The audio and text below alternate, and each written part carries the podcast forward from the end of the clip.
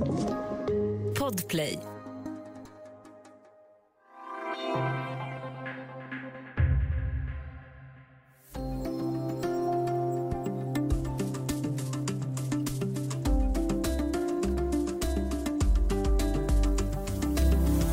Уважаемые коллеги, вы видите, что западные страны предпринимают не только.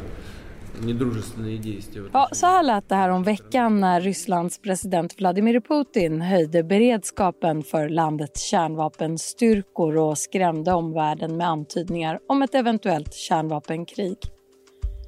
Hur gick Putin från en auktoritär men någorlunda förutsägbar statschef till den oberäkneliga despot han framstår som idag? Välkommen till Studio DN med mig, Ylke Holago. Och idag har jag med mig Erik Olsson, mångårig medarbetare på Dagens Nyheters utrikesredaktion. Hej Erik! Hej! Du har skrivit en text i DN där du ger fyra möjliga ledtrådar till att läsa av Putins agerande. Vad är det du vill beskriva om Putin genom den här genomgången? Ja, för det första så är det ju, skälet är ju naturligtvis att eh, Ryssland sedan nästan två veckor tillbaka har ett eh, anfallskrig mot Ukraina. Och eh, presidentmakten i Ryssland är väldigt stark. Eh, den person som liksom eh, eh, illustrerar, personifierar det här kriget, det är ju Putin. Eh, och många har jag uppfattat i min omgivning som normalt kanske inte är så intresserade av, av, av utrikespolitik är ju nu väldigt oroliga och intresserade av vad denne man kan ta sig för och varför han gör som han gör. Och det, det var skälet till att jag, att jag försökte ja, lite grovt ställa samman eh, några olika ledtrådar till hans beteende. Vi ska gå igenom de här ledtrådarna. Punkt ett har ju rubriken Isoleringen och rör coronapandemin. Hur påverkades Putin av pandemin utifrån det vi vet eller det spekuleras om? Ja, det som har sagts och det som har framkommit är ju att eh, från eh, coronapandemins utbrott för ganska precis två år sedan Eh, och till idag så har eh, Putin varit väldigt eh, isolerad från omvärlden. Och hur har det påverkat hans syn på, syn på världen omkring honom? Har den liksom krympt? Det är många som tror det. Och därför så, så är det ju en, en aspekt att ta med här. Vad betyder det att han är så extremt isolerad och vilka händelser är det som ligger till grund för analysen att Putins omdöme eller sätt att agera har påverkats starkt av den här isoleringen? Uh, ja, det är ju, främst är det ju hans, uh, vad ska man säga, hur han, hur han framträder, hur han ser ut. Det är många som lägger märke till att han är uh, Eh, uppsvullen i ansiktet och i och halsen. Han, han pratar stötigt. Eh, han, alltså sådana saker. Eh, eh, och vilket han inte gjorde tidigare. Och då börjar man undra vad, vad, vad beror det här på? Är karln sjuk? Är, han kroppsligt sjuk? Är han andligt eh, försvagad? Eh, eh det, det är ju rent allmänt eh, har ju det eh, bidragit då till, till spekulationer givetvis. Och det beror ju också på att det kommer så lite konkret information från Kreml, från maktborgen, alltså där Putin sitter. Och hur har han agerat som ledare under pandemin? Hur har han förhållit sig till själva coronaviruset och, och smittan? Ja, alltså han har varit... Eh, det, alltså det, det, var, och det beskrivs också i artikeln, han, han, eh, uppenbarligen då så försökte han liksom ta, ta täten där och visa att han var en statsman och att han, att han eh, hade sympati för de som kämpade mot eh, smittan. Då, som, man får inte glömma att för två år sedan var det ett annat läge, det fanns inget vaccin, man visste inte var det här skulle ta vägen. Eh, och då eh, framträdde han då, men alltså på ett, även vid den tiden väldigt eh, omsorgsfullt minst sagt inpackad i olika skyddskläder som det framstod som att han var väldigt väldigt, väldigt rädd för smittan och helst inte ville vara där han var, vilket ju i och för sig är förståeligt. Då, men och det, det här var på ett sjukhus? Det var ett, alltså ett sjukhus i södra Moskva som, som hade specialinrättats för att ta emot coronapatienter. Och det här var liksom första tecknet då på, på, på någon slags, eh, ja att coronapandemin skulle påverka Putins eh, göranden och låtanden. På senare tid eh, har ju många fäst uppmärksamhet vid det jättelånga förhandlingsbord han har använt vid möten med världsledare angående Ukraina. Hur är det kopplat till hans smittorädsla? Eller är det det? Ja, det är, det är också bara spekulationer, men, men eh, alltså under den här tiden som har lett fram till invasionen, under månaderna som ledde fram så åkte ju eh, väst, främst eh, västeuropeiska och amerikanska ledare i skytteltrafik till Kreml för att träffa Putin. Eh, och då fick de ju underkasta sig då eh, att, att sitta vid de här absurt långa borden eh, och alternativt då att de skulle ta eh, covid-tester och, och det var något tal där om att eh, Frankrikes president Macron han skulle, han skulle DNA-testas eller vad det var, liksom, eller, eller PCR heter det. Och, och, så det var mycket stå, ståhej kring det där och, och, det landar ju också naturligtvis i hans, hans eh, rädsla för att, för att bli smittad. Ukrainas president Zelensky har ju nu sedan invasionen anspelat på uppfattningen om Putins rädsla för smitta. Vi ska höra hur det har låtit i ett uttalande. Сядь со мной, только не на 30 метров, как с Макроном, Шольцем и так далее, как их принимают. Я ж сосед. Меня не надо на 30 метров держать. Sitt ner med mig vid förhandlingsbordet, men inte på 30 meters avstånd som när du träffar Macron och Scholz. Jag är din granne, jag bits inte, jag är en normal man. Vad är du rädd för? Och det sa alltså Ukrainas president eh, Zelensky i eh, ett uttalande riktat till Vladimir Putin. Erik, vad säger det här utspelet om vilken roll Putins hälsa och beteende eller spekulationerna kring detsamma spelar alltså, i konflikten? Det, jag tycker framför allt att det säger någonting om det är det pågående PR-kriget som ju Zelenskyj har vunnit med 10-0. Eh, att, att han eh, utmanar Putin här som sitter i sin eh, bubbla i, i Kreml. Han går ut och säger möt mig, vi, kan ses öga mot öga. Och, och, det är naturligtvis ett sätt att, att, att vinna poäng på, på, på Putins självpåtagna isolering. Eh, han eh, som förefaller då vara mäktig eh, ledare för världens största kärnvapennation sitter och darrar i, en, i någon ja, på sitt residens. Men, men Zelenskyj ute på gatorna i Kiev då säger kom hit och prata med mig. Så det, det, det är min tolkning. Punkt två eh, på din lista över omständigheter som påverkar Putin eh, har du kallat för rådgivarna. Och där har ju antalet rådgivare kring Putin begränsats. På vilket sätt? Ja, alltså Putin har ju suttit som president i, eh, det är väl nu eh, 22 år. Och eh, till en början så hade han ju en ganska stor krets. Eh, han var kompis med reformister och, och pragmatiker och, och ja, någorlunda liberala personer som han lyssnade på uppenbarligen. Men eh, numera så eh, har ju de försvunnit och de som är kvar det är eh, dels eh, de mest militaristiska Eh, eh ja, generalstabschefen naturligtvis, men, men också försvarsministern. Och så framför allt eh, eh, tre gubbar får man säga då, som han har känt i ja, 30-40 år. Gamla spionpolare helt enkelt. Liksom. Eh, det är de han, han tar råd av och de är ju minst lika, eh, vad ska jag säga, paranoida som honom. Så där kommer det ju ingen annan input än, än den han vill höra så att säga. Finns något annat som kännetecknar de som får vara i Putins närhet? Vad, vad är det de står för? Ja, alltså om vi nu tar den här, eh, det är tre personer. Det är eh, Patrushev som är, eh, han är ordförande för säkerhetsrådet, Bortnikov som är chef för säkerhetstjänsten FSB och så är det Patrush, Naryshkin som är chef för utrikesspionaget. Som sagt, de är ju det som kännetecknar dem är, det är ju blind lojalitet mot ledaren. Eh, Sergej Naroshkin som du nämnde, nämnde där eh, var ju kanske inte så känd utanför Ryssland när han för några veckor sedan blev offentligt förödmjukad av Putin. Vad var det som hände? Det här inträffade den 21 eh, februari. Det var eh, liksom eh, overtyren till, eh, till invasionen av Ukraina, invasionsförsöket. Eh, och eh, då eh, träffade Putin eh, säkerhetsrådet, eh, alltså den högsta eh, organet för, för landets säkerhet.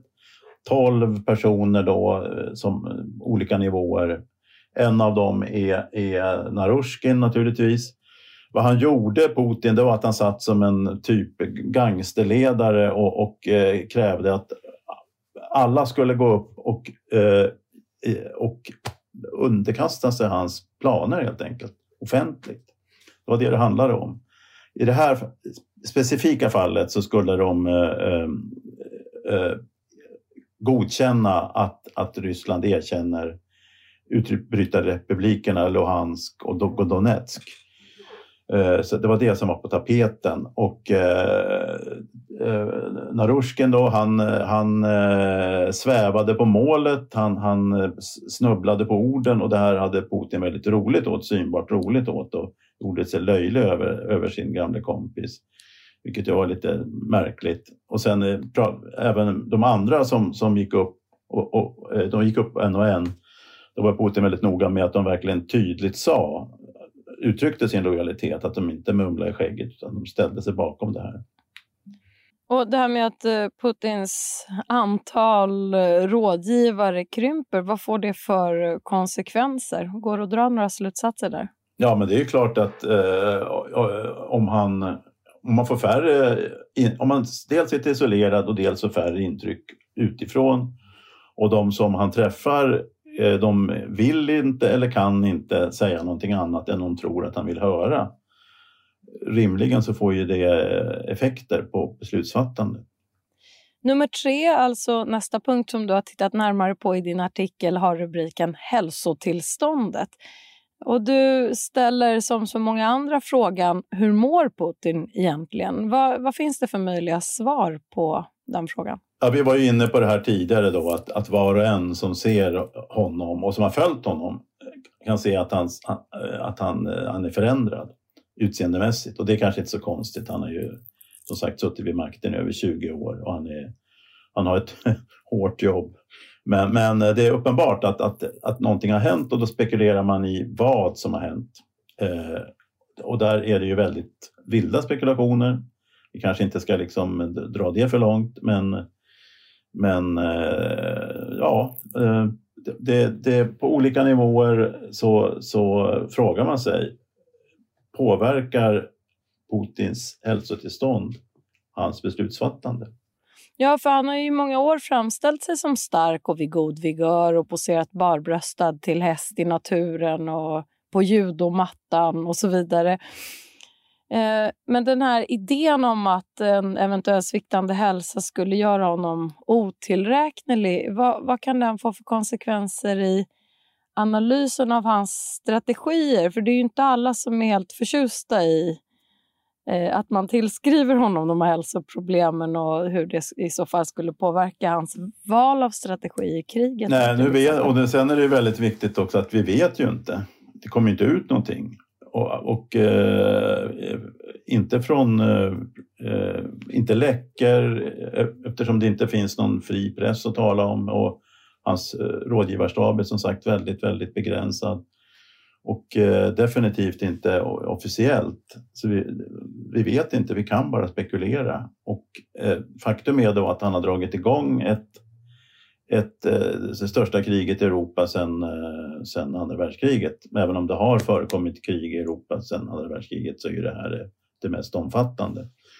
Eh, och, och, varför i herrans namn är det många som frågar sig då. Och sen är det ju andra, finns det ju också en skola då som säger att ja, men det här har ju, har ju varit klart för var och en som har velat se. Vi kanske återkommer till det, men, men det, det finns ju den, den tråden att nysta i också.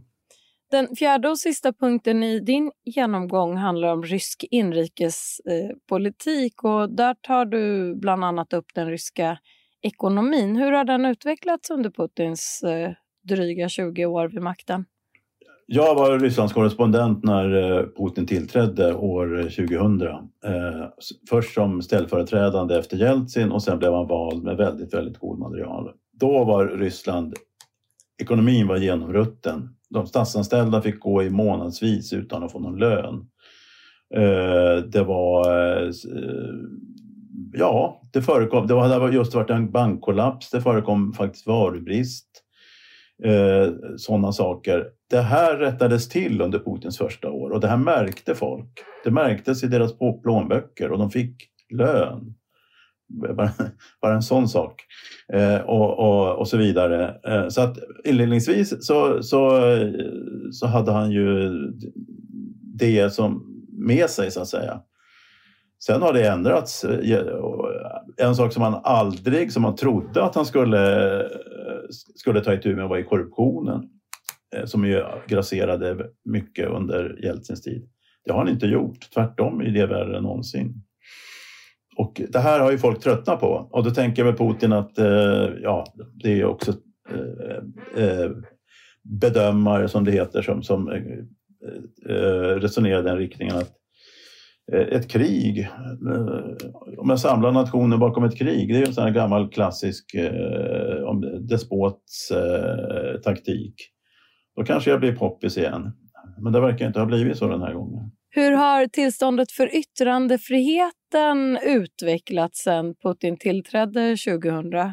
Tillståndet för yttrandefriheten sen Putin tillträdde har utvecklats i mycket negativ riktning. Eh, när han tillträdde då fanns det en livlig, eh, vågar jag säga, eh, massmediescen och framförallt på tv-sidan, som det är det som räknas. Det är tv folk eh, tittar på och får sin information från. Det fanns en eh, kanal som hette NTV som var jättebra tycker jag, eh, klart Putin-kritisk som leddes av en eh, så kallad oligark då, som hette Vladimir Gorsinski. Det första Putin gjorde det var att brotta ner denne Gosinski och beröva honom ägandeskapet från NTV och driva honom i landsflykt. Nu säger jag inte att Gorsinski var någon ängel, men han stod i alla fall för en annan uppfattning. Och det får man inte göra i, i, numera i, i Ryssland. Så det, det, har, det här var alltså 20 plus år sedan. Och det har bara gått i en riktning, nämligen neråt. Ja, och det senaste som har hänt här i helgen var att man klubbade igenom en lag som eh, förbjuder alla från att kalla det som händer i Ukraina för ett krig, eller hur? Ja, det är straffbart och hot om vite.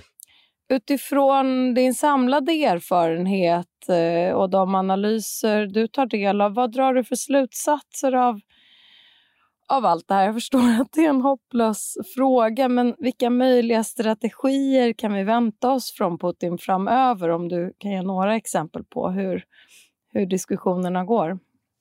Ja, alltså, det ser ju inte särskilt ljust ut, det gör det ju inte. Eh, eh, oavsett om det går citat bra eller, eller dåligt för Ryssland i kriget så, så kan det ju drabba oss Hårt. I Sverige alltså, menar du? Ja, eh, det kan det göra. Eh, om det går dåligt och han blir trängd, eh, vad tar han sig för då? Ingen som vet.